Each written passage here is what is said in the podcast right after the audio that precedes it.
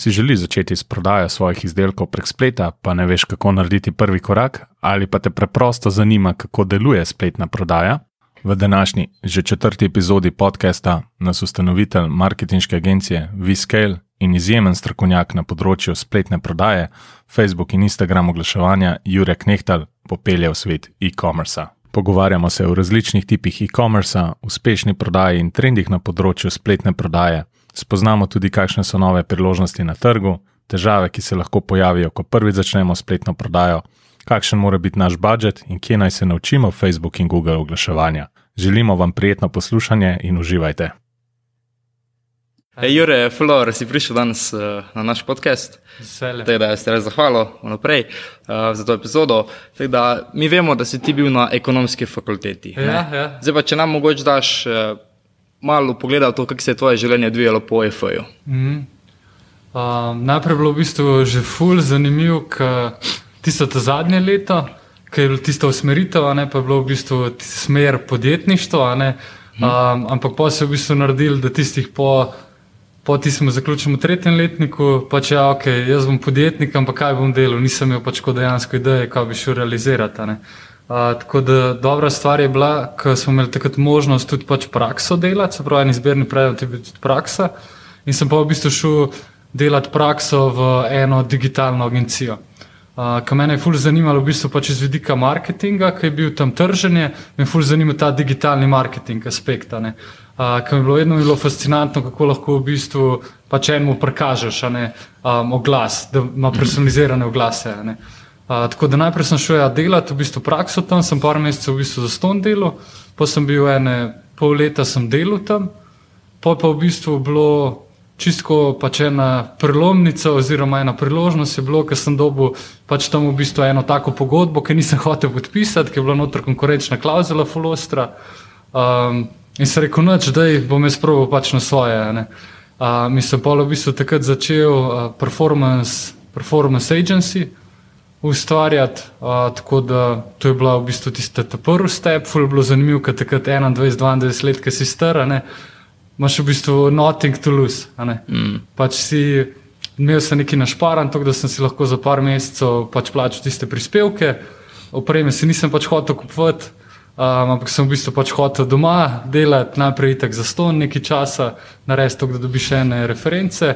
Pa bilo pa tako, ne, prva zmaga, pa prek, pr, prek prvega klienta zmage komuniciraš naprej. Pa smo v bistvu začeli ekipo počasi graditi. Um, tako da smo imeli v bistvu po, v treh letih smo imeli 15 člansko ekipo. Um, ukvarjali smo se s tem, da pomagamo slovenskim podjetjem prodajati tujino. Uh, predvsem je bil takrat Facebook, je bil prvotni kanal. Uh, pa se je v bistvu tekom tega sodelovanja se je pa odprla ena full dobra priložnost v bistvu podjetju HS, Vigoshop, um, ki sem najprej v bistvu delal kot outsourcan in takrat, takrat sem imel 3-4 leta izkušenj in sem videl samo marketing aspekt ne, stvari. Me pa ful zanimiv biznis aspekt tudi, ne. kako v bistvu dela dejansko, ko, um, kako dela tako celotno podjetje, ne, ne samo zdaj marketing, ki bo um, zmaga ali pa poraz celotnega podjetja, ampak v bistvu vse ostalo tudi pripraviti a ne, v samem podjetju. Tako se je takrat ta priložnost uh, ponudila, sem imel tudi opcijo, da sem si postavil tam svoj marketing oddelek. Uh, tako da tam sem bil pol tako full time, eno leto pa pol, um, 30 člansko ekipo, sem potem imel full bilo zanimivo, ker smo imeli različne stvari, um, kreativ smo imeli tudi recimo svoj. Um, ja, pa pa nekako v koncu leta 2019 je bila pa pol tista prelomnica, ki sem pa rekel, ok, zdaj pa bi pa probil spet nekaj svojega, ko vmes sem bil pač eno leto pa pol sem bil nekje kaj zaposlen. Pa je pa v bistvu ta ideja okoli Wiskela dejansko prišla, ki je pa v bistvu hibrid tega internaga marketinga in agencije. Tako da to je na kratko, mogoče ta zgodba, ampak če te kakšna posebna Okej. stopna zanima, kar Ja, mogoče, če se prvo dotaknemo krune eh, agencije, ja. um, ko si rekel za performance. Ja. Ko si bil ti star 21 let, ja. Ja. kako si recimo začel sploh graditi ekipo? Mislim, da veš, ponovadi je tako, da če. najprej to- prijatelji. Aha, prijatelje. Ja, okay. ja, ja. Okay. Aha, okay. Mislil sem reči, pač, če imaš ti um, neke starejše ljudi, pripelješ v ekipo, da mogoče se ne jemljajo resno, ker si Ja. ja. mlajši. Mm. A si imel kakšne take težave? Ali, Pa, ne? Ma niti ne, veš, zato ker itak je to tok, v tej branži, ki jaz delam, je ful mlada in je mm -hmm. redko kjer, da ima ne vem, 15 let izkušenja. Mm -hmm. In je v bistvu ful mlada branža in ljudem je bilo treba razlagati, takrat, v bistvu, kaj je to. Ne, ne kako boljš delati, mm. ampak kaj je to, zakaj v bistvu bi to lahko sploh pomagalo. In ja, to je tudi, se mi zdi, ena taka ful pomembna stvar, ne, da nima veze, koliko si ti dejansko star, ampak važno je v bistvu kaj ti prinašaš dejansko eno sodelovanje. Ne? Ti lahko enemu ustvariš eno dodano vrednost pred tem. Je pa itak, ja, na začetku nisi tako samozavesten, ki si pol, predvsem s tem, veš, ne, kako se zmeniti za posel. Kako za eno stranko, recimo, tudi glede vem, zaposlitve, kako se sploh ne vem, organizirati, razgovora. Tako da bolj je, ne bi rekel, da je to bilo to starost, ampak bolj neizkušenost. Mm. Ne. In pa pa itak, ne vem, se pogovarja z ljudmi, um, delaš kakšne kurse, bereš o tem noter, pa je pač learning by doing, ne? vsakič, ki narediš, si pač boljši. Mm -hmm. Ok, top. Uh, te pa če gremo zdaj mogoče na sedanjost. Ja. Zdaj si uh, direktor Viskela, ja. mogoče čisto na hitro predstaviš, kaj je Viskel in s čim se dejansko ukvarja. Uh, Viskel se v bistvu ukvarja s tem, da pomaga spletnim trgovinam rast. Uh, pozicioniramo se tako kot nekakšen ekskluzivni marketing partner, uh, kar pomeni v bistvu, da delamo zelo omejenim številom strank, um, delamo izključno in samo na kvalitetnih brandiranih produktih. Se pravi, ene, imamo dve miselnosti v podjetju. Ena miselnost je, da prodajamo izdelke, ki bi jih sami uporabljali, pa bi jih dal komu za darilo, pa nam ne bi bilo bed. Zato, ker tudi vizija okoli podjetja je dejansko to narejena. Ta druga stvar pa je, da delamo projekte, ki bojo pač inspirirali, pa veselili dejansko ekipo. No, tako da v praksi, kaj to pomeni, delamo vse, kar se tiče digitalnega marketinga, zato da lahko dejansko spletne trgovine rastejo. Um, primer, vzamemo vem, spletno trgo, slovensko spletno trgovino, začnemo Slovenijo, začnemo buildati, glede na izkušnje, ki imamo, postavimo vem, Facebook, Google, email marketing, influencer marketing, content creation, vse te procese, zato da najprej zraste na eni državi in pomagamo pol tudi vem, razširiti asortiment dejansko produktov, ki imajo, pa pripraviti v bistvu biznis, kako lahko začne prodajati tudi v ostalih državah. Zdaj recimo primer, ki ga imamo, je, da je pač eno podjetje dejansko zrastalo iz 5000 evrov mesečnega prihodka na 4 milijone mesečnega mm. prihodka okay. v manj kot dveh letih. Um, in v bistvu pač dela, zato delamo tudi celoten poslovni model na tem zasnovan, da delamo tako, da bi imeli praktično interno ekipo, ampak imamo par internih ekip, se pravi, nas je trenutno nas je 29 nas je v ekipi noter in teh 29 članov dela na štirih projektih. Uh -huh. Kar pomeni v bistvu, da lahko kar velik časa dejansko namenimo vsakemu projektu posebej. No. Uh -huh. Ok, top. Aha, torej, ful skrbno zbirate stranke. Ful, ja, mi pač. Ko ne vem, če 10% ali pa 5% mm. vprašanj, ki dobimo, sprejmemo. A samo. Ja, zdaj recimo, kar je fula tipično, zaradi tega, ker sem hotel tudi nekaj tasga razvita. Ne. Uh mhm. -huh. V bistvu se je hotel doseči to, da ti lahko zbiraš, s kom delaš. Da v bistvu imaš tako kvaliteto storitev, pa čakalno listo v bistvu v zadnji, uh -huh. da lahko ti poveš, hej. Pač stav bi delal. Mm. In zdaj v bistvu se nam to dogaja, ker pri nas je bilo tako, da prvo, prvo let je bila strategija, okay, a bo ta pristop sploh deloval. In smo rekli, ok, hočemo narediti ena pa dva case stadija, da vidimo, če bo ta model in outsourcinga marketing departmenta sploh delo. Po zdaj drugo leto, ko smo zdaj, se pravi, zdaj podjetje obstaja dobro leto pa pol, je zdaj predvsem gol, ok, kako zdaj to narediti, da bo na mestu ena, dveh, kako lahko na štirih, petih to delamo, ne? da, da imamo procese, ta prava struktura, mhm. vse narejeno, zaradi tega, da bomo pa lahko še dodajali ne? in predvsem delati na teh dolgoročnih partnerstvih. No? Tako da nismo ena tipična agencija, ki bi samo vzeli stranko in zdaj tudi mi velikrat recimo naredimo tudi tiste, ko vzamemo, velikrat pa mi s časom, če mi vidimo, da ni te skupne sinergije noter, pa ne verjamemo v projekt, pa pač se ne držimo deadline, procesi ne bojo zdržali, pač na veliko skalo, a ne noter, tudi mi velikrat odstopimo dejansko od sodelovanja. Uh -huh, uh -huh, okay. um, zdaj, boki, če se dotaknemo mogoče malo uh, večje slike. Ne? Zdaj, um, leto, oziroma lansko leto je bilo za e-commerce full uspešno leto, je full rastlo, je full novih e-commerce podjetij prišlo. A se ti zdi, da je zdaj že mogoče za nekatere prepozno, da se začnejo ukvarjati s prodajo prek spleta in pa dejansko, kakor ti vidiš priložnosti zdaj v e-commerce? Mm -hmm. Dobro, vprašanje. Ja, lani je bilo res tako fascinantno, kaj se je zgodilo, ne, zato ker se je v bistvu v parih mesecih se naredil tisk, ki bi se mm. običajno v štirih, petih letih. Um, videli smo tudi zdaj, recimo letos, tisti, ki so v spletni prodaji, vidijo, naprimer, koliko supply chain je zdaj težji, kaj je bil takrat. Uh mhm. -huh. tudi, uh, takrat je velike, veliko podjetje dejansko presenetilo, koliko je kar naenkrat dodatnega popraševanja, niso imeli stoka v zadnji. Tako da jaz mislim, da ni prepozno za e-commerce. Jaz mislim, da e-commerce bo definitivno še rastel tudi v naslednjih uh mhm. -huh. letih, pa vse naprej, ampak je bolj to za premisliti, ok, kakšen e-commerce bom šel. Zaradi tega, ker je bil čas, ki je bil. Ki, so, ki si lahko karkoli prodajajo, pa so vem, bili produkti, ki si imel vem, od 15, 20, 25 evrov, noter, je zdaj, mogoče zdaj čas, ne, da se začne tiska gre, da že začne razmišljati, okay, kako pa lahko jaz zgradim, ne vem, kako bom komunity gradil okoli pač produktov, ki jih prodajam, kako bom lahko mogoče vem, v treh, petih letih zgradil brand.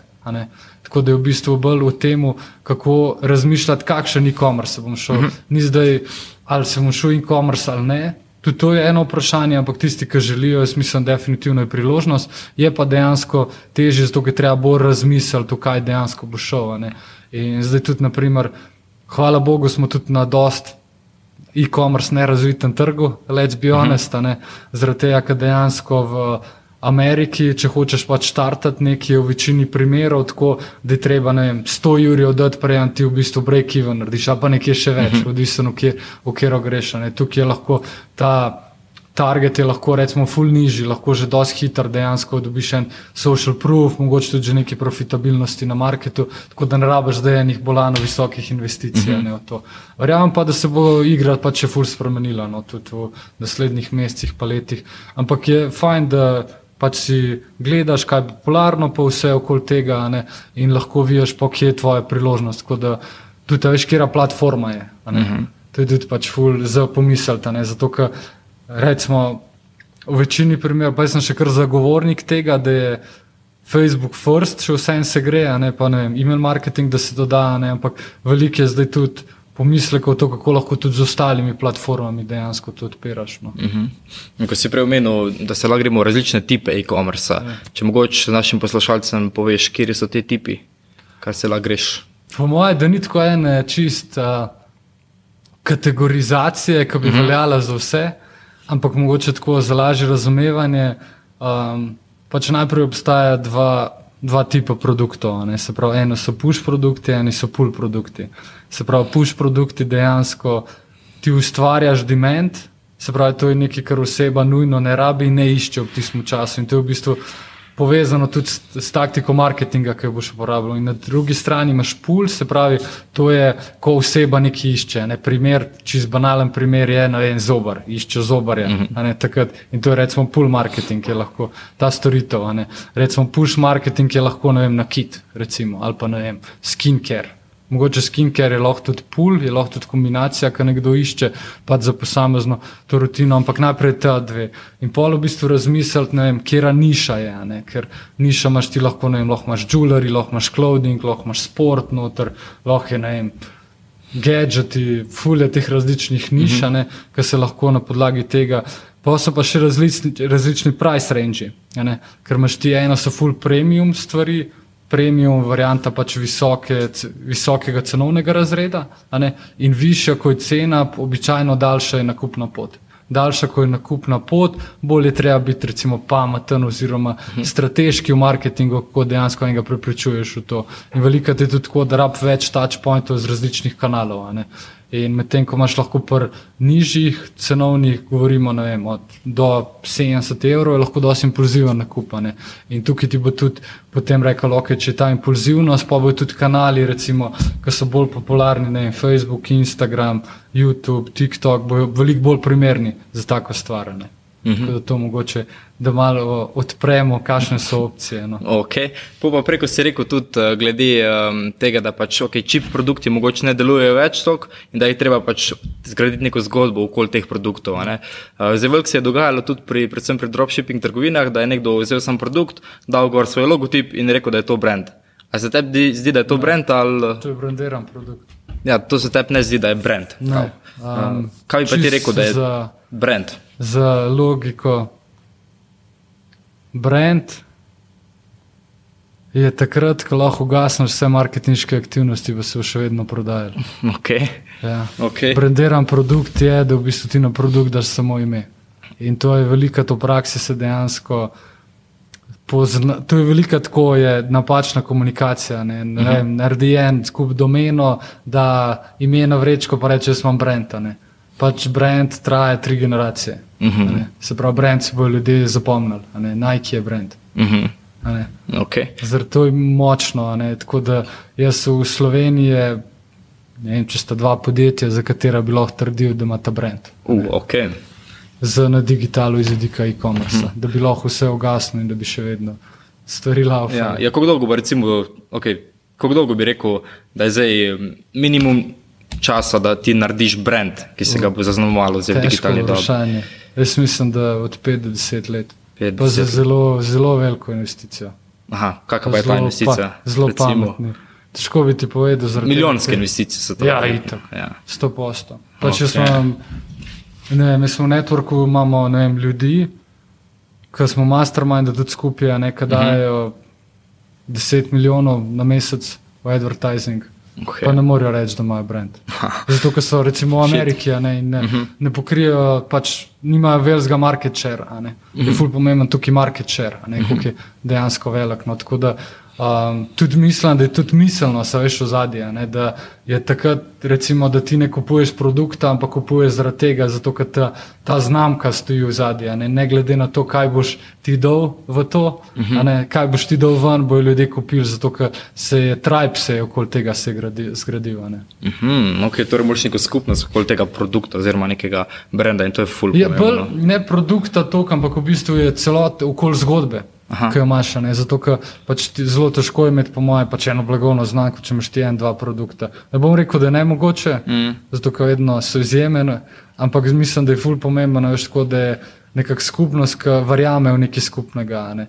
In pač vse velike, tako recimo te, ki so podjetja, ki so digital first, je Velik, velikim se dogaja, veš, to, da ne ful hitro razrastejo, delajo ful ne, z influencerji, pay, da delajo ful v Google, Facebook, ful dejansko vlagajo ne, in hitro zrastejo, ampak pa se tudi zelo hitro padejo. Ne, ker pač prednost tega, prednost in nevarnost tega e-commerce je ful hitro rast. Mm -hmm. In pa je predvsem to, okay, kako pa zdaj narediti to sustainable. ne. Tu recimo, zdaj mi tudi. Uh, izziv, ki ga imamo tudi mi zdaj, nekaj pozitiven izziv, ki ga bomo imeli tudi v naslednjih letih. Okay, vem, naredimo spletno trgovino, ki v dveh, treh letih zraste na 40 milijonov. Kako zdaj v bistvu narediti okolje, da bo to lahko rastlo še naprej, da bodo države se mm -hmm. vzdrževale, da lahko nove produkte daješ noter, da bodo tudi loyal customeri, ker zdaj recimo v tem času je loyalty pač je bolj redkost kot dejansko ena navada. ne. Mhm. Ok, goddamn. Nisem pričakoval takega odgovora. Um, kaj pa recimo, okay, da je nekdo full začetnik, pa pride k vam, recimo, kakšne so recimo te napake, ki si jih ti opazil, da so jih začetniki delali v e-commerce, najbolj pogoste? Velikrat je presenečenje, kaj vse je dejansko treba narediti. Uh -huh. To je zelo velikrat. Um, zato, ker velikrat, ko se gleda na bilance ali pa slišiš, da te pa delajo tok pa tok, pa rečeš, že zbituta, ne, ne veš, kaj vse je bilo v zadnji narejen, zato da pride do tega. Uh, tako da e-commerce je veliko več kot samo marketing, pa spletna trgovina, veliko več za sabo pač potegne. Tako da to se mi zdi, da je eno nerealno pričakovanje z vidika obsega dela. Uh -huh. Je ta druga stvar, je tudi v bistvu samo. Veliko je tudi tako, a veš, samo planiranje, ne vem, naročanje zaloge, kako se odločiti za produkte. Ne, tudi investicijo, veš, kako z denarjem dejansko delati. Ko običajno, ko začneš, ne, imaš lahko, ne vem, 5, 10, 15, 20 tisoč. ne. A ne, in to, ko ti naročiš zalogo, pa daš nekaj v marketing, pa čakaš še nekaj, da dobiš, ne lahko zelo hitro zmanjka. In je ful pomemben ta v bistvu money management ne, na začetku. To se mi zdi, da je tudi ena taka in pol ki to nekako vladajo, vladajo recimo, ne, pa pač dobijo ne vem, traction, znajo najti produkte.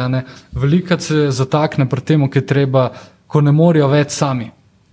Se pravi, velikrat se tako zgodi, da ok, dokler sam funkcionira, pa ima nadzor nad vsem, vse špila. a ne. Po, ko pa enkrat stvar preraste, ko pa ti rabiš ekipo, In če ena oseba, ki ni gradila ekipe nikoli, takrat je tudi en tak izziv, ki se Mhm. lahko zgodi.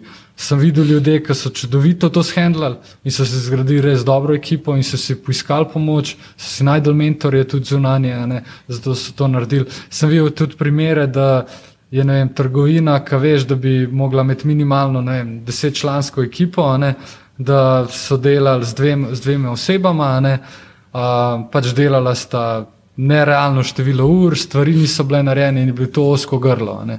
Ker takrat, ko imaš ti pač biznis, e-commerce, moraš gledati, okay, kje je osko grlo za rast.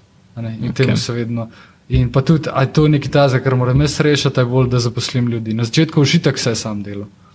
Ne. Zaradi tega, ker nimaš denarja, da boš ti plačeval, ti je bolj da ne denar v zalogo, a ne bolj v marketing noter. Pa, ko se pa prenese to, je pa zelo pomembno, da se išče priložnosti, kje se razširi ekipo. a ne, Ker na koncu bojo. Tim bo največji asset do uspeha, nekaj produkt lahko ti zamenjaš, uh -huh. spet v trgovino lahko ti prenoviš. ne. Tim je pa tisti, v bistvu, ko v zadnji za vsem tem stoji. Uh -huh. Mislim pa to, ko si rekel, da ko začne, ko preraste za enega posameznika. Ne? a ti kot recimo owner e-commerce trgovine, ti že prej začneš iskati ekipo ali šele takrat, ko vidiš, da je to problem? Odvisno, koliko izkušenj imaš. Ha, okay.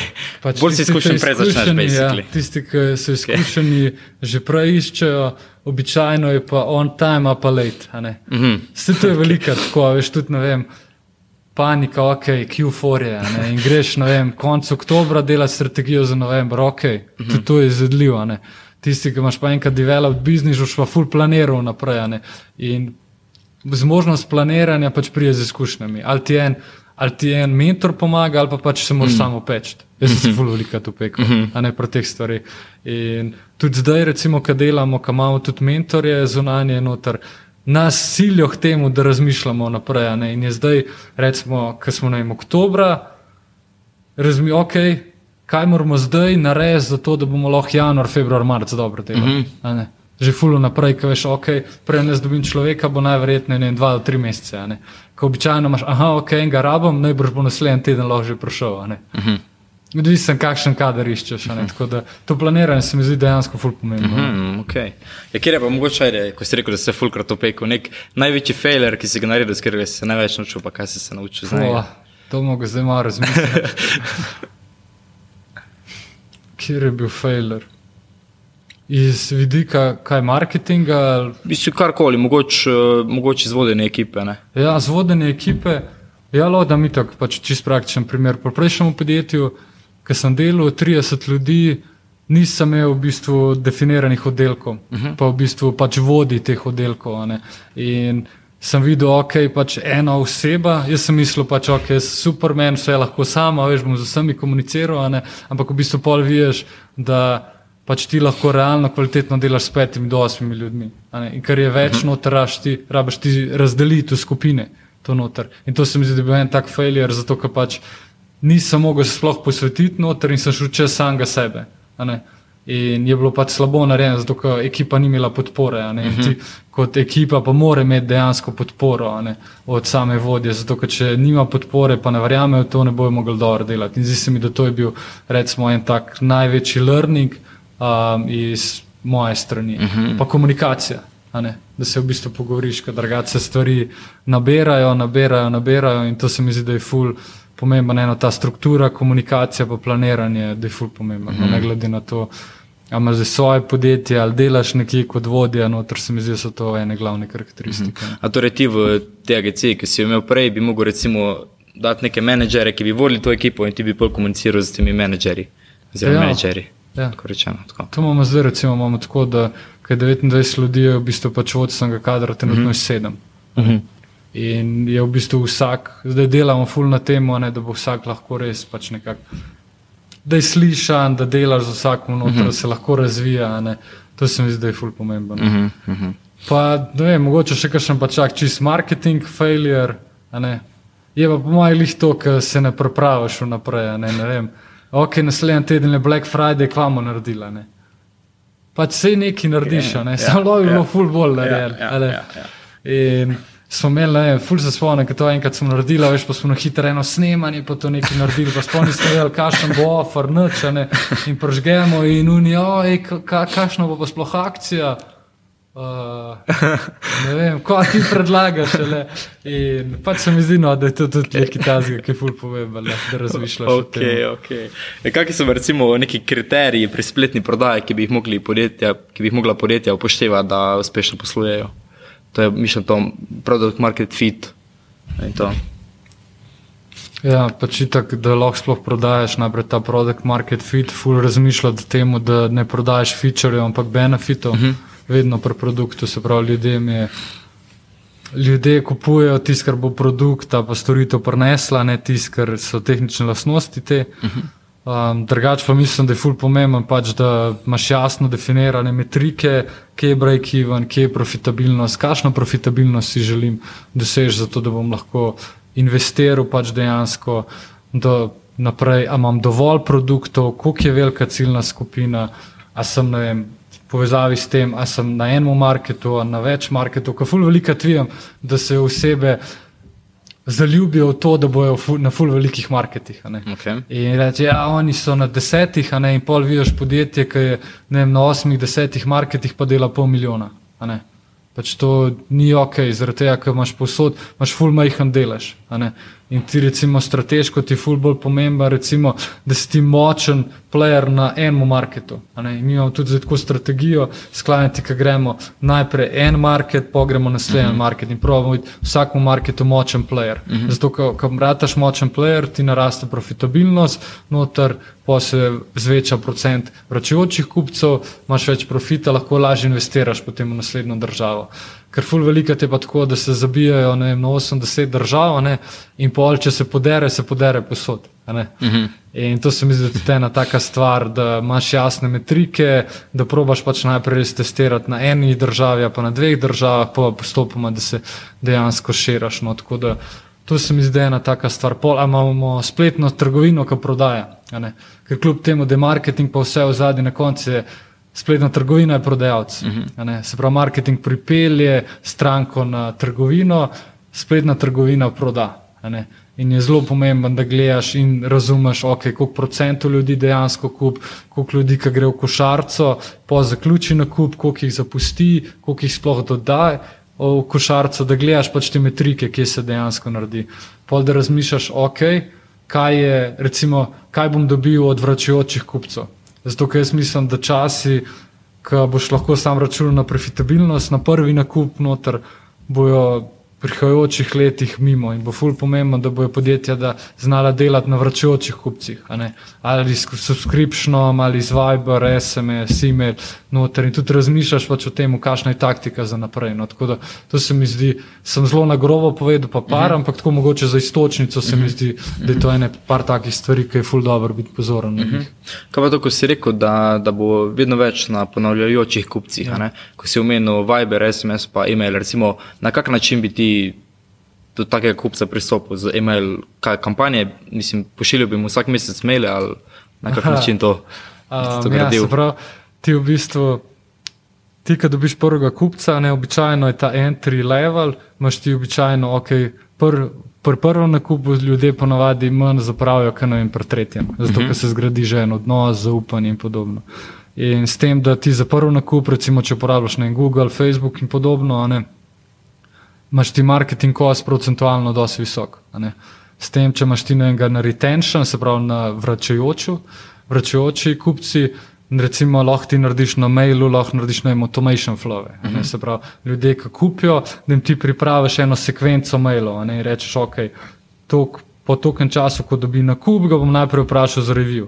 Pol ga bom vem, povabil, da ta pa ta social media nam sledi. Pa mu bom ponudil, pa bom pokazal ene povezane produkte, pa mu bom dal en special offer. Ne. In lahko v bistvu pač del tega je automation, del tega so pa pol tiste čist, ne vem, manual kampanje, ne, ki pa rečeš, ok, lahko narediš segment ljudi, ki so kupili vem, ta produkt in vidiš, ok, full smiselno bi bilo za te kupce, da kupijo tudi to, a ne, da je to recimo en full dober fit, a pa tudi testiraš, kaj dejansko ti si jim pošljaš pač en drug produkt, a ne, noter, ker je lahko in iščeš pač, kje so povezave, zato ker tukaj je stopna profitabilnosti je ful večja. ker v bistvu ti plačuješ vem, za mail bazo ali pa za, za SMS, recimo, pač, glede na to, koliko SMS-ov pošljaš, a ne, in si lahko ful preračunaš, koliko je tudi tvoj strošek na nakup, in običajno je tam profitabilnost lahko vem, do petkrat više. Mm. Pri teh stvarih. Okay. Jaz sem, da pa ti dejansko znaš kupca sploh pridobiti, ne? moraš Ja. ja. pa obvladati basically oglaševanje. Ja. Uh, kaj bi ti rekel, na katerih mestih bi se nekdo, ki nima nobenih izkušenj s tem, ki bi on začel pridobivati znanje, recimo? Udemy najprej. Udemy. Ja, okay. Jaz bi šel najprej čist, ne bi nobene. Obstajajo itak tudi kursi, ki stanejo, ne vem, Jurija, Jurija pa pol, sam jaz mislim, da na začetku Udemy je čist good enough, um, to, da dobiš pač ene osnove, pa da začneš dejansko testirati, lahko s nizkimi budžeti, ne vem, 10-20 evrov na dan, pa probaš pomagati, ne vem, kakšni restauraciji lokalni, a pa kaj, ne, a pa se greš kam učiti. Uh, to. Ampak jaz mislim, da je to, pa, pa tudi, da malo v bistvu slediš mogoče ljudem, ki so iz industrije, ki imajo en traction in probaš pa tudi njim slediti, mogoče če imajo kakšne kurse noter. Ampak jaz mislim, da je to full tak skill, ki se ga pač naučiš s tem, da delaš. a ne. Lahko dobiš kakšne taktike, ampak ful veliko, ki se osebe lotijo tega, si kupijo kakšen ful napreden kurs, ki je primeren za enega, ki je 3-4 leta dela, uh -huh. zato da bo ne vem, prišel iz pol milijona spenda na, na 600 pa 700 jurjev spenda, ne, se pravi investicije. Um, Ne rabiš ga pa ti, ki imaš ne vem, 10-20 evrov na dan. Ne. Ti takrat rabiš pač logiko razumeti. ne. Okej. Okay, to se tako naredi, kreative, kakšno kreativo, kaj moram gledati, kje metrike in pač gledaš Mhm. potem v pol, se naučiš, ne vem, retargeting, kako delati, se pravi, tisti ljudje, ki pridejo na stran, pa ne kupijo, ne, in je pa greš step by step, tako da jaz mislim, da je še ni udemi, pa to, da je čisto ok. Mhm. Top. top. Uh, koliko pa recimo, da bi nekdo hotel začeti z e-commerce uh, stran, koliko recimo budžeta oziroma kapitala bi rabil za neko najbolj basic? ne.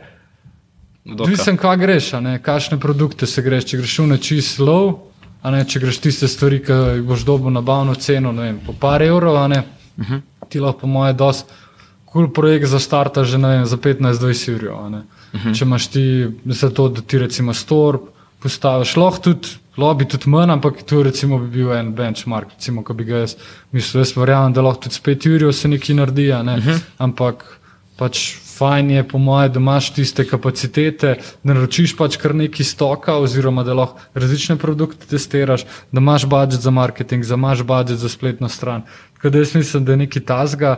Je pa tudi, ne vem, so biznisi, ki so štartali, ne vem. s 200 jurjev, pol milijona, ne, noter, tako da zgornje meje, po mojem, ni. Um, ja. Sam je pa, po mojem, pač, ko tudi razmišljati, imaš tudi različne variante. Ne greš ti, ne vem, produkt, pa boš sam landing page naredil, ne. Uh -huh. Se pravi, da je samo ena stran, lahko fulcneš priješ, česa ne. Če pa hočeš, da je par produktov, da je neki ponudbe tudi na strani, pa mogoče če rabiš tudi kakšen shooting še organizirati, pa da bi kakšne influencer sodelovanje še naredil, tam je pa treba malo še vse nekaj dati. No. Ampak tudi to je. Tudi to, recimo, tudi če se slišiš, mogoče za kakšnega 15-20 tisoč evrov, da je velik, je velik, sam iz vidika, kakšen je, pa kakšne so pa investicije po tem, noter pa ni velik. a ne. Mm, okay. Ja. ja. um, aha, torej nek uh, first timer, ki bi hotel nekaj probati na e-commerceu, je po mojem najbolj za gre dropshipping, pa da kar dropshipa, da si ne naredi neke zaloge, ali bi rekel, da že kar zaloge iz prvo, prve začne delati. Jaz bi še najprej v bistvu čiste čist fake teste delal, da ne bi imel sploh stoka ali pa ja, uh -huh. z dropshippingom. Drugače pa odvisno, ne kaj prodajaš, če je to zdaj en izdelek vem, iz Kitajske ali kaj tasga, ja, je mogoče pač to smiselna pot. Če imaš ti ne vem, neki lokalnega, pa ti lahko enemu rečeš, da ti ene sample pa to naredi, uh -huh. ne prototipe. Um, manjše serije, nekaj bo mogoče malo dražje, mogoče to bolj. Zaradi tega, ker nekaj je, da ti prodaš, sam takrat, ko ti prodaš, ni konc črnja. Uh -huh. Takrat se v bistvu začne dejansko odnos, ki ti vidiš, okay, kako bo stranka, kako bo dobila produkt, kako se bo počutila, kako bo ti unboxing experience, kako bo polk bo izdelek dejansko uporabljala. Ne. Zato, ker je veliko je teh storov, ki sam pač prodajo, nekaj pa tudi pač dejansko teh storov, ki delajo na tem post-purchase experience.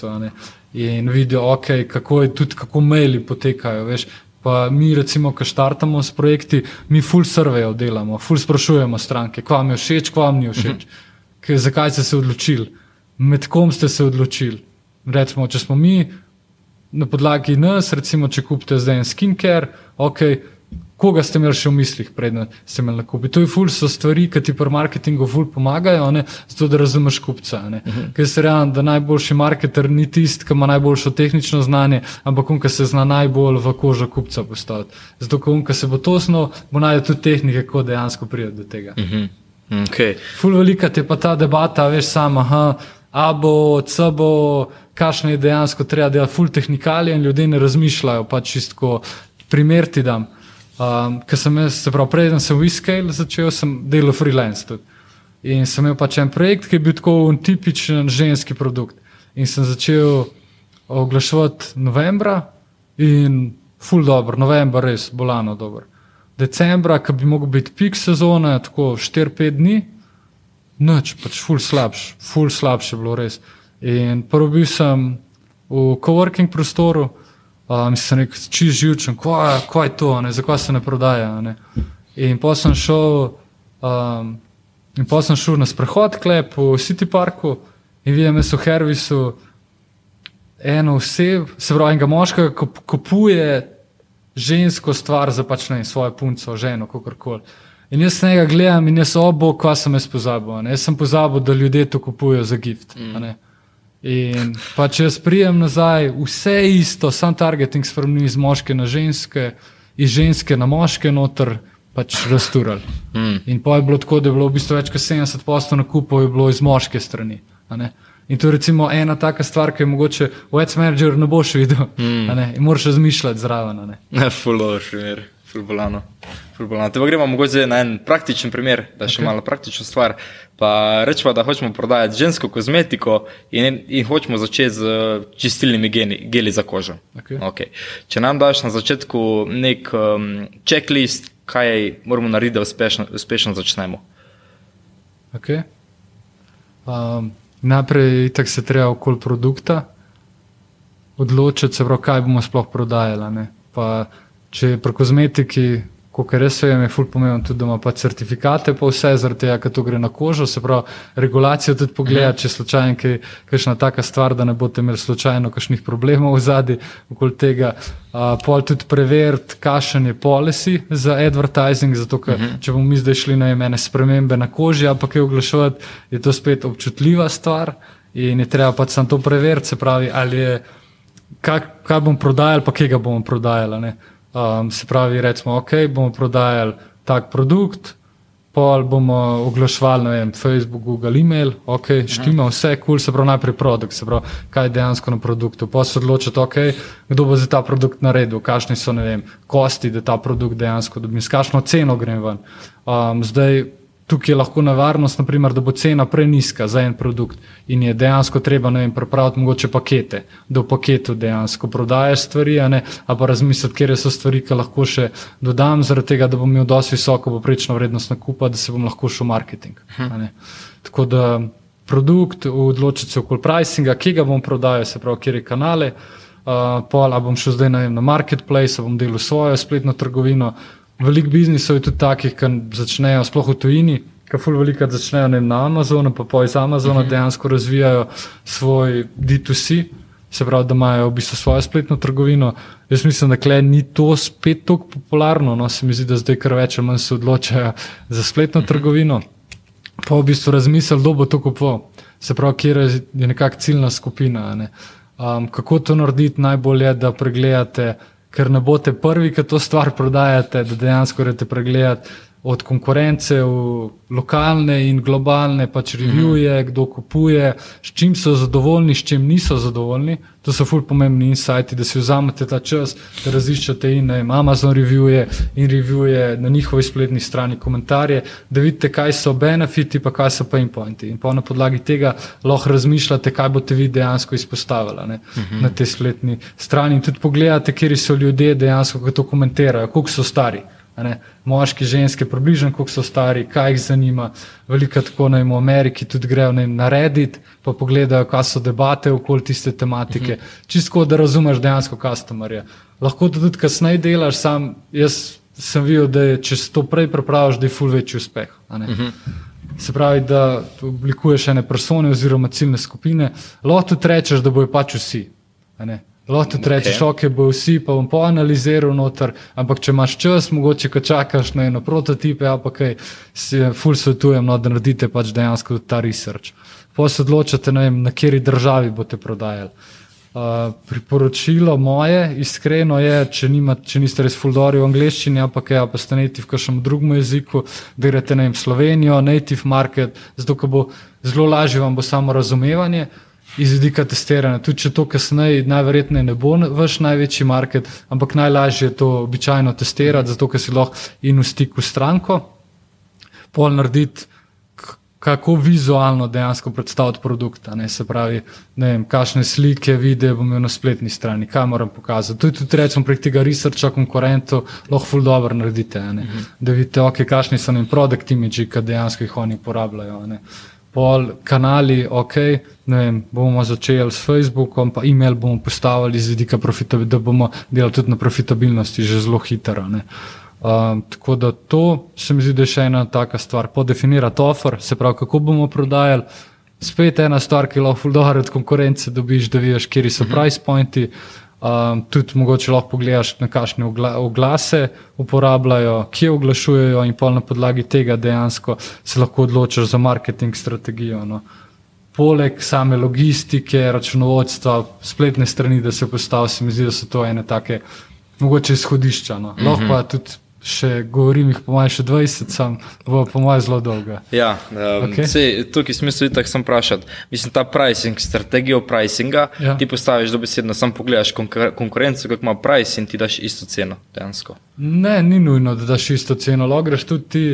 Da se boš više pozicioniral, uh -huh. ali pa nižji pozicioniral. Sam, če imaš ti, recimo, bolj kot ne identičen produkt, da dropshipaš, kak, mislim, na kak način se lahko više pozicioniraš ti? s tem produktom, a se sploh lahko. Ja, recimo, lahko imaš kontent, ful boljši. Uh mhm. -huh. Recimo, boljši kontent, večja percepcija, lahko imaš embalažo boljšo. Ne, lahko to pri. -huh. primera, veš zaradi tega. Lahko imaš kopij boljši, lahko imaš spletno trgovino boljšo, lahko imaš pač boljšo komunikacijo, da bolj nagovori dejansko customerje. Ker velika, recimo ti, gledaš pač dejansko en. Uh, Eno stvar in si full noter in vidiš konkurenca, veš, aha, on ima to, on ima uh -huh. ampak navaden user to ne vidi.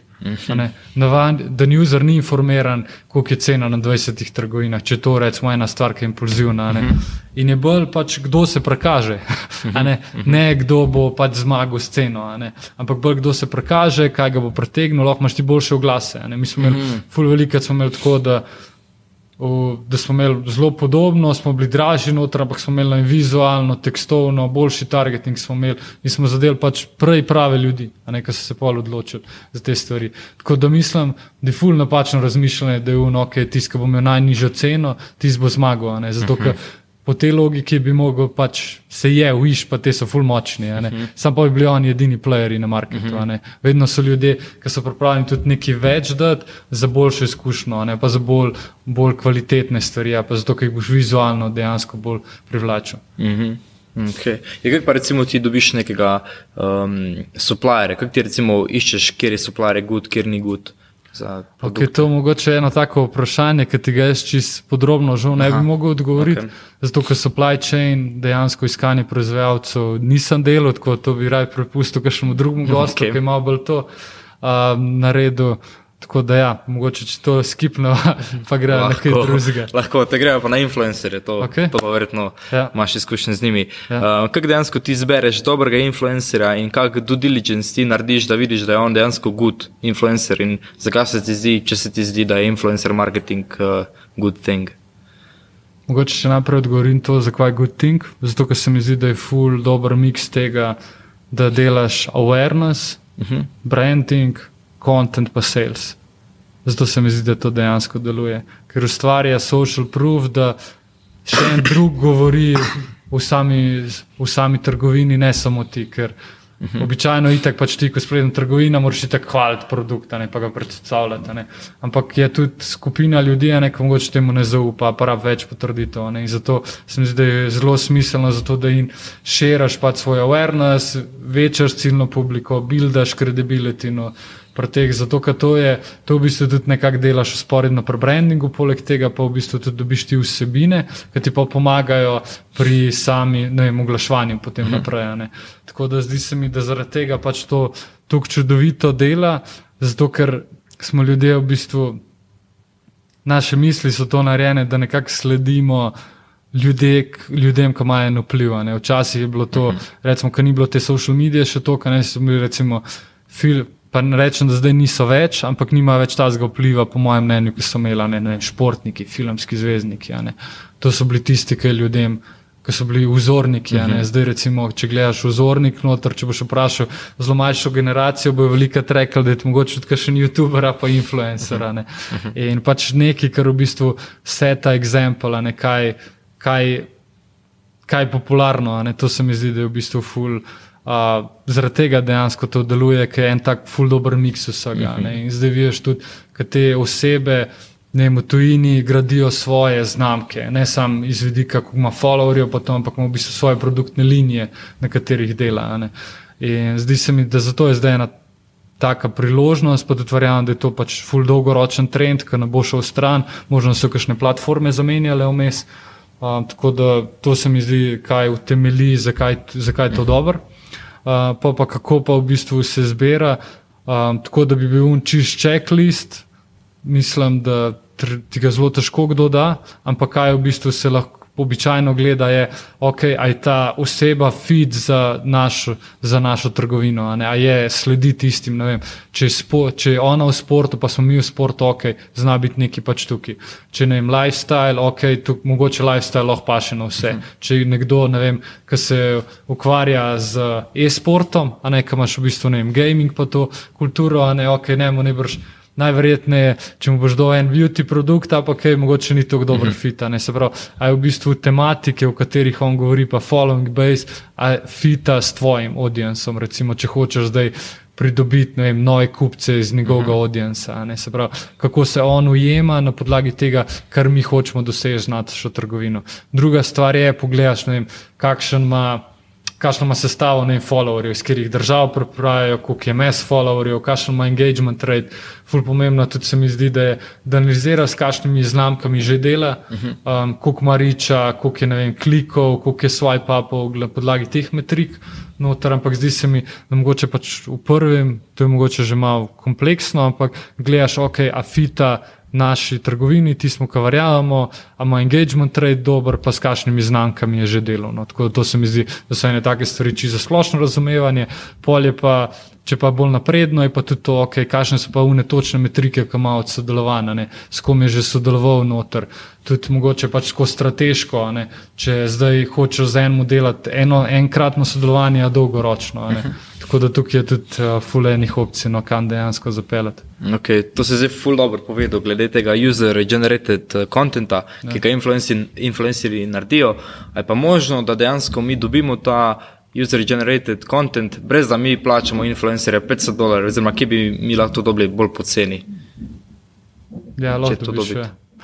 Razen od kolegov. Ja, če to opcija. Pač, Fulno velikrat pride do tega mistake, da user-generated content lahko producirajo samo influencerji. Uh mhm. -huh. Se pravi, tukaj imaš ful različnih streamov. Se pravi, eno je lahko so kolegi, lahko so to obstoječe stranke. Ne, mi smo tudi delali znotraj podjetja, dela user-generated content, uh -huh. se pravi, da so dejansko mhm. zaposleni. Eni to pravijo, kao, da je EGC, kao employee-generated content. Tako tukaj je full dejansko enih opcij. In kaj se, v bistvu logika v zadnji je, da ti najamaš ljudi, ki znajo posnet oziroma slikati kontent, ki je feed za, na social mediju, ki mm -hmm. ti hočeš to uporabljati. Tako to je lahko v bistvu praktično kdorkoli, ki ima feelinga. Mo, mogoče tudi dajeti slovun, ki nima feelinga, te celo preseneti noter, ampak to je v bistvu string, ki ga lahko full narediš. Ne obstajajo različne platforme, tudi slovenske platforme, ki so pa noč nobenega zdaj preferirati, ampak, ampak ne vem influji, epidemiki podobno. Ne, to so platforme, mm -hmm. ki dejansko delajo na tem, da ti lahko najameš ljudi, da ti posnamejo kontent.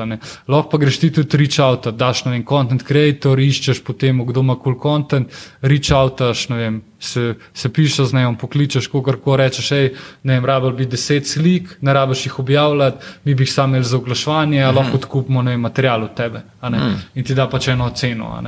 In tukaj je fulejnih opcij, kako se lahko dejansko to zapele, pa ne razmišljaš zdaj samo, ok, moram zdaj plačati enemu, da bodo na fit objavo.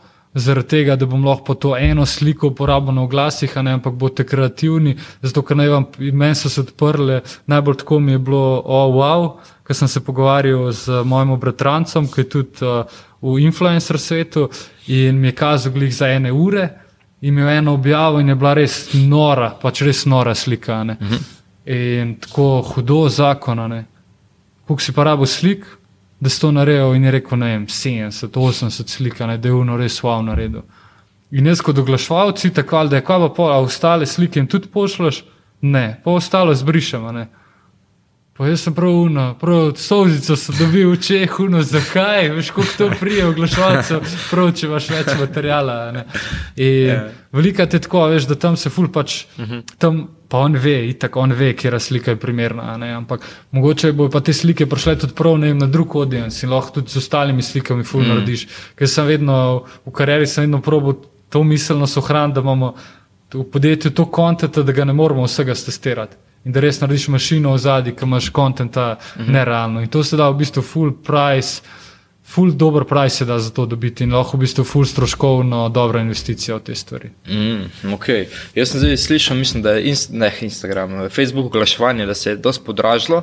Mogoče, če nekdo štarta z nekim produktom, a se ti še vedno zdi, da je prvo treba iti na Facebook ali bi mogoče prvo šel na ta user-generated content, ko smo zdaj videli, da je dosti ok cena. Ne? Kaj bi ti rekel? na kjer kanal? Jaz mislim, da je boje naenkrat, um, mm -hmm. zato ker pač najverjetneje, ki ti štartaš, ne boš do 5000 evrov za produkcijo, ampak okay. je ta zga, narediš in je full pač dober način dejansko, da uporabiš tudi. User-generated content pri tem. Najbrž si hotel, predvsem, vprašati to, če bi z influencerji šel ja, ja, ja. pred Facebook glasi. Ja. Pač iz mojih izkušenj ne, mm. zaradi tega, ker še vseeno imaš ti, recimo, če daš na influencer marketing 5000 evrov, boš ti videl efekt po tem, kar že vsi objavijo. Po oglaševanju ti lahko full hitre spremembe delaš. Če ti ne vem, 50 evrov, če ti nekaj ne zagrab, ti lahko spremembo hitro narediš, a ne pri tem. Pa mislim, da ni eno, a drugo, ampak je samo kako v bistvu združiti oboje. No. Tako da jaz ne bi šel Um, ne, sam influencer, če bi šel influencer, bi definitivno dal takoj ECE zraven, uh mhm. -huh. ampak verjamem tudi, da je tu čisto ok način, če greš najprej v ECE. Uh. -huh. Zato, ker velike, ja, velike je tudi, predvsem velike firme, grejo full v to, pa grejo vem, z investicijo par deset tisoč evrov, zato da vstopijo na market z influencerji. Primer tega je bil, ne vem, About You, ki je pač vstopil na market res push na redu, ampak koliko je zdaj, koliko je bilo to fulbol profitabilno, kot če bi bilo ECI. Recimo, zdaj, če bi isti poslovni model dal na to, da imaš eno spletno trgovino, pa da imaš 20krat nižji budžet, a, uh mhm. -huh. a bo tež dosegel ta pravi efekt? Jaz mislim, da ne. ne?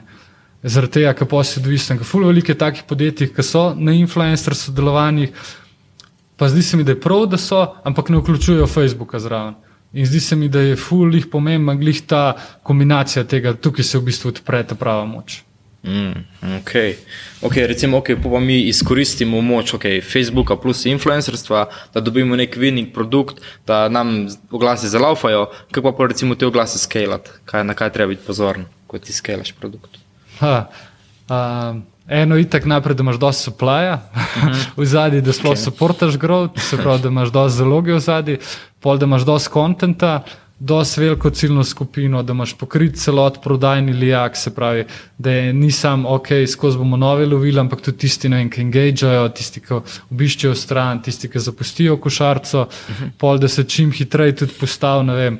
Če rečemo, skalaš na Facebooku glase, da imaš tudi Google postavljen, zato ker slej, ko prej bo ljudje tudi začeli na Googlu iskati ta produkt, ne, da imaš tudi v zadnji na e-mail marketingu stvari postavljene, ki poskrbijo za to, da se vračajo, da dobiš revije. No, tako da je v bistvu pol nekakšna taka igra, da skozi v bistvu imaš dosti ESO, da soporta ta growth. Uh mhm. -huh. Okay. Je pa pol, okay, če se gremo širitve na tuje trge, ja. kdaj bi ti rekel, da je primerno, da se neko podjetje začne širiti na trge, pa kam morajo paziti, kako se širijo? Razen tega, da se prehitro grejo na preveč trgov. No. Ja. Um, najprej po mojem raziskati, na kere markete bi sploh šli. Uh -huh. um, Veliko je to, aha, tam so že, jaz ne bom šel tja. Okay. Um, jaz sem v bistvu veliko tudi tako strategijo, ki okay, gremo nekam, kjer že kdo obstaja, uh -huh. zaradi tega, ker bomo dejansko lažje to prvo nakup povzročili, kljub temu, da je mogoče to skregan z logiko, zato ker je uh mhm. -huh. konkurenca, ampak mislim, da je to zdrava konkurenca, ki dela tudi to awareness na marketu, uh mhm. -huh. da, take, da take produkti sploh obstajajo. In najprej raziskati, kam bi šli, kaj potrebujem za to, iz vidika ne plačilnih metod, kjer jezik je, kaj pričakujejo stranke. Da, res, da imaš un lokal pristop, če greš lokalizirati. ne. Kdaj dejansko iti na to? Jaz mislim, da takrat, ko vidite, da se vam una rast, eksplozivna, pa to počasi ustali, oziroma imate tudi resurse, da lahko podportate investicijo, ker veliko tako, da osebe grejo iz enega marketa, ki je ne vem, pol leta odprt in grejo na nov market, imajo isto pričakovanje, kot na unmu obstoječem marketingu. Marketu, a ne. to je čist druga logika. Ne. Imate vi sicer ne vem, kreative, ki delajo. Kopi, ki dela, targeting, ki dela noter, ampak pač tam ste novi, tam vas meni pozna. a ne. In se mi zdi, da je ful pomembno, no, da pač razmišljate, da je to v bistvu pač iz nule in tudi, da se da, ne vem, ene budžete, pa to, da se določi, s čim bi dejansko štartali. Tako da zdaj čisto na meja revenue, kdaj dejansko iti noter za ena podjetja, je to lahko, ne vem, 200-300 jurjev na mesec za ene, bo mogoče lahko ta ceiling dosegal že, vem, 30-50 jurjev. a ne. Ampak pa je za razmisel, če imate vi na 30-50 jurjev, okay, a bom zdaj jaz dodatnih 50 jurjev s tem dobil, da še Hrvaško odprem, ali bolj mogoče, da razširim asortiment produktov, zato da prav na obstoječem marketu pač več narediti. a ne. Da je ta dilema, ka, kam boste šli, boste vi provali ta produkt v čim več marketov pokriti, ali boste provali pač razširiti asortiment, ker večji, ko imate ta asortiment produktov, tudi lahko bolj nekako stabilni ste. ne. Mi smo bili, jaz sem bil v enem primeru, ko smo delali, ne vem, milijon petsto na mesec s petimi produkti. In so nam pa rekli, ok. Um, so rekli, na Facebooku so rekli, da je not a sustainable business. ne. Kako če delamo to revenue? Uh -huh. In je ona rekla, ok, kaj pa če vam tri produkti se nehajo prodajati? Kako ste sustainable? Ja, pač nismo. ne. In pač razmišljati v to smer. no. Mhm, okay. ja, ko si prej pa rekel tudi, da, da ko gremo na nov trg, je treba imeti tam native speakerja. Kaj pa prideš do tega native speakerja, kaj ga dobiš? Lahko ne ima pork. Upwork. Ja, A pa. Fiverr, Ja, lahko je Upwork. Drugače, fajn je pa tudi, recimo, če se povezate s kakšnim, kaj iz tiste branže, pa vprašate. a veš. Um, kaj nekje, Kaj misliš konkurenci, da pišeš? Pa ne, lahko je pač dokaj, ne, tudi v e-commerce svetu, veš, pa tam dela, pa je lokala. Ne. Jaz fully veliko to delam, da se z lokalcem povežem, pa rečem, ne vem, ok, ej, kva moram paziti, ko grem na ta market. a Ne, ok, ne vem, a imaš kakšnega dobi, ko, dobrega copywriterja. K, to je tudi challenge, ki se ful pojavlja. Pa zdi se mi, da še niso ga podjetja tako uspešno zateklali, je neki je prevajalec, neki je copywriter. A ne. Prevajalec, customer support ti bo znal prevesti tekste, ampak najverjetneje ti izgubiš ta marketing aspekt, prodajni aspekt teh tekstov. Neki je copywriter, ki ti bo znal prodajno napisati v lokalnih stvareh. a ne. Tako da se mi zdi, da je ena taka stvar glede teh uh, native speakerjev, no, kar je treba vedeti. Lahko je ja, Upwork, Fiverr, lahko se povežete s kakšnim za customer support, mogoče imate lahko pač malo nižji standard, kot naprimer tista oseba, ki vam bo prevedla vem, celoten stor. Uh -huh. Ampak to lahko je pa tudi to agencija, recimo, tudi, ki prevaja. Ampak jaz sem fulbol videl, recimo, da je večji uspeh, če najdeš pač lokalnega copywriterja. Okay. Top. Te pa zdaj še za na konec, mogoče če daš še en na svet ali pa par na svetu za nekoga, ki bi danes eh, rad začel eh, z e-commerceom. Sam začnite. ne, pač uh, po moje, to, ki je zdaj lahko vstopati, no, nikoli več. Tako da jaz mislim, da standardi se bodo dejansko sam še višali, kam se gre. Um, raziščite, kaj, kaj bi bile priložnosti za vas. Um, pač ena stvar je, da česate easy buck, da probate čim hitreje dejansko dobiti denar, nekje tudi, če hočete pač dolgoročno nekaj delati. Mislim, da ni eno ali drugo, lahko se tudi ena stvar razvija v drugo. Tudi jaz sem recimo pač začel tako, da vem, je bilo predvsem ok, kjer so izdelki, ki se v full masovno prodajali. ne. Zdaj recimo gledamo full iz tega vidika, ok, kjer so stvari, ki bomo jih lahko prodajali full dolg časa. Ne. Se pravi, ni uno, ok, to se bo nehal prodajati, pa bomo nekaj drugega, ampak kako v bistvu prodajati stvari, ki se bo lahko prodajali vem, pet let. In pač razmišljati o tem, ok, najprej česate pač denar, zato ker to bojo pač čist drugačni produkti, k, če boste česali nekaj, kar hočete graditi, ne vem, en community v zadnje. Uh, sem videl tudi par praktičnih primerov, ne, in je nekje growth pač ful hitrejši, nekje je ful počasnejši. Noter. Ampak tako je, ja, razmišljati, pač, v katero smer bi šli, katera branža vas veseli. Ful pomemben je, da vi verjamete v produkt. Um, kljub temu, da je mogoče kdo ga prodal za 100 milijonov, pa če vam to ne bo blizu, boste imeli slejko prej, boste imeli probleme. Um, drugač pa je probavati, ful je pomemben, da poznate metrike iz vidika, ok, koliko moram jaz za vsak evro vložen dobiti, da ne, da ne zgubim denarja. Uh -huh. Čisto enostavno, noter, ampak to je res, veliko ljudi pozabijo pri tem. In pol tudi se odločiti, ok, ali ko bom delal te stvari, ali bom lovil profitabilnost, izdika vsako enoto, hočem čim več zaslužiti, ali bom lovil voljum, ali mhm. hočem pa čim večjo maso dejansko tega dobiti. No. Tako da to, drugače pa v Sloveniji je fulejnih, lušnih primerov, fulejnih uspešnih zgodb. Tako da se je dokazalo že na marketu, da se definitivno da to delati, ta e-commerce v mhm. Sloveniji, noter, tako da zakaj ne bi pa prav vam, poslušalcem, pač rad ali pač naslednjo fulveliko zgodbo narediti. Top, top. Evo, super, eh, prišel sem do konca, še enkrat, Jure, hvala lepa za svoje predano znanje in to je to. Evo, pa smo prišli do konca današnje epizode. Upam, da ste uživali v poslušanju, da ste si naredili kakšne zapiske, ker Jure je z nami delil res neverjetne, dragocene nasvete z področja spletne prodaje. Tako da se ti, Jure, knehtal iz srca zahvaljujemo, da si bil naš gost. Radi bi se zahvalili tudi Zavodu Y, ki nam je pustil neverjetno lepe prostore za ustvarjanje marketinške frekvence. In se poslušamo prihodnič.